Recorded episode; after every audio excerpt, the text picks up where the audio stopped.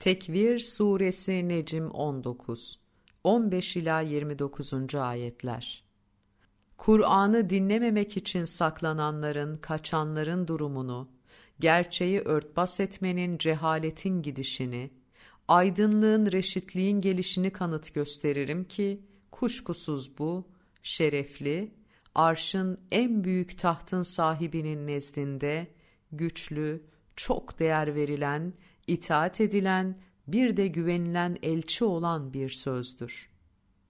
Arkadaşınız da gizli güçlerce desteklenen deli bir kişi değildir. Andolsun gördüklerini kendisi apaçık ufuktayken gönlü yalanlamadan, gözü şaşmadan ve azmadan gördü. O kimsenin görmediği, duymadığı, sezmediği, kendisine verilen vahiyler hakkında cimri de değildir. Bu kendi düşünce yetisinin ürünü olan söz de değildir. Durum böyleyken siz nereye gidiyorsunuz? Bu alemler için, sizden doğru gitmek isteyenler için öğütten başka bir şey değildir. Alemlerin Rabbi olan Allah, sizin düşünmenizi, öğüt almanızı dilemeyince siz dileyemezsiniz.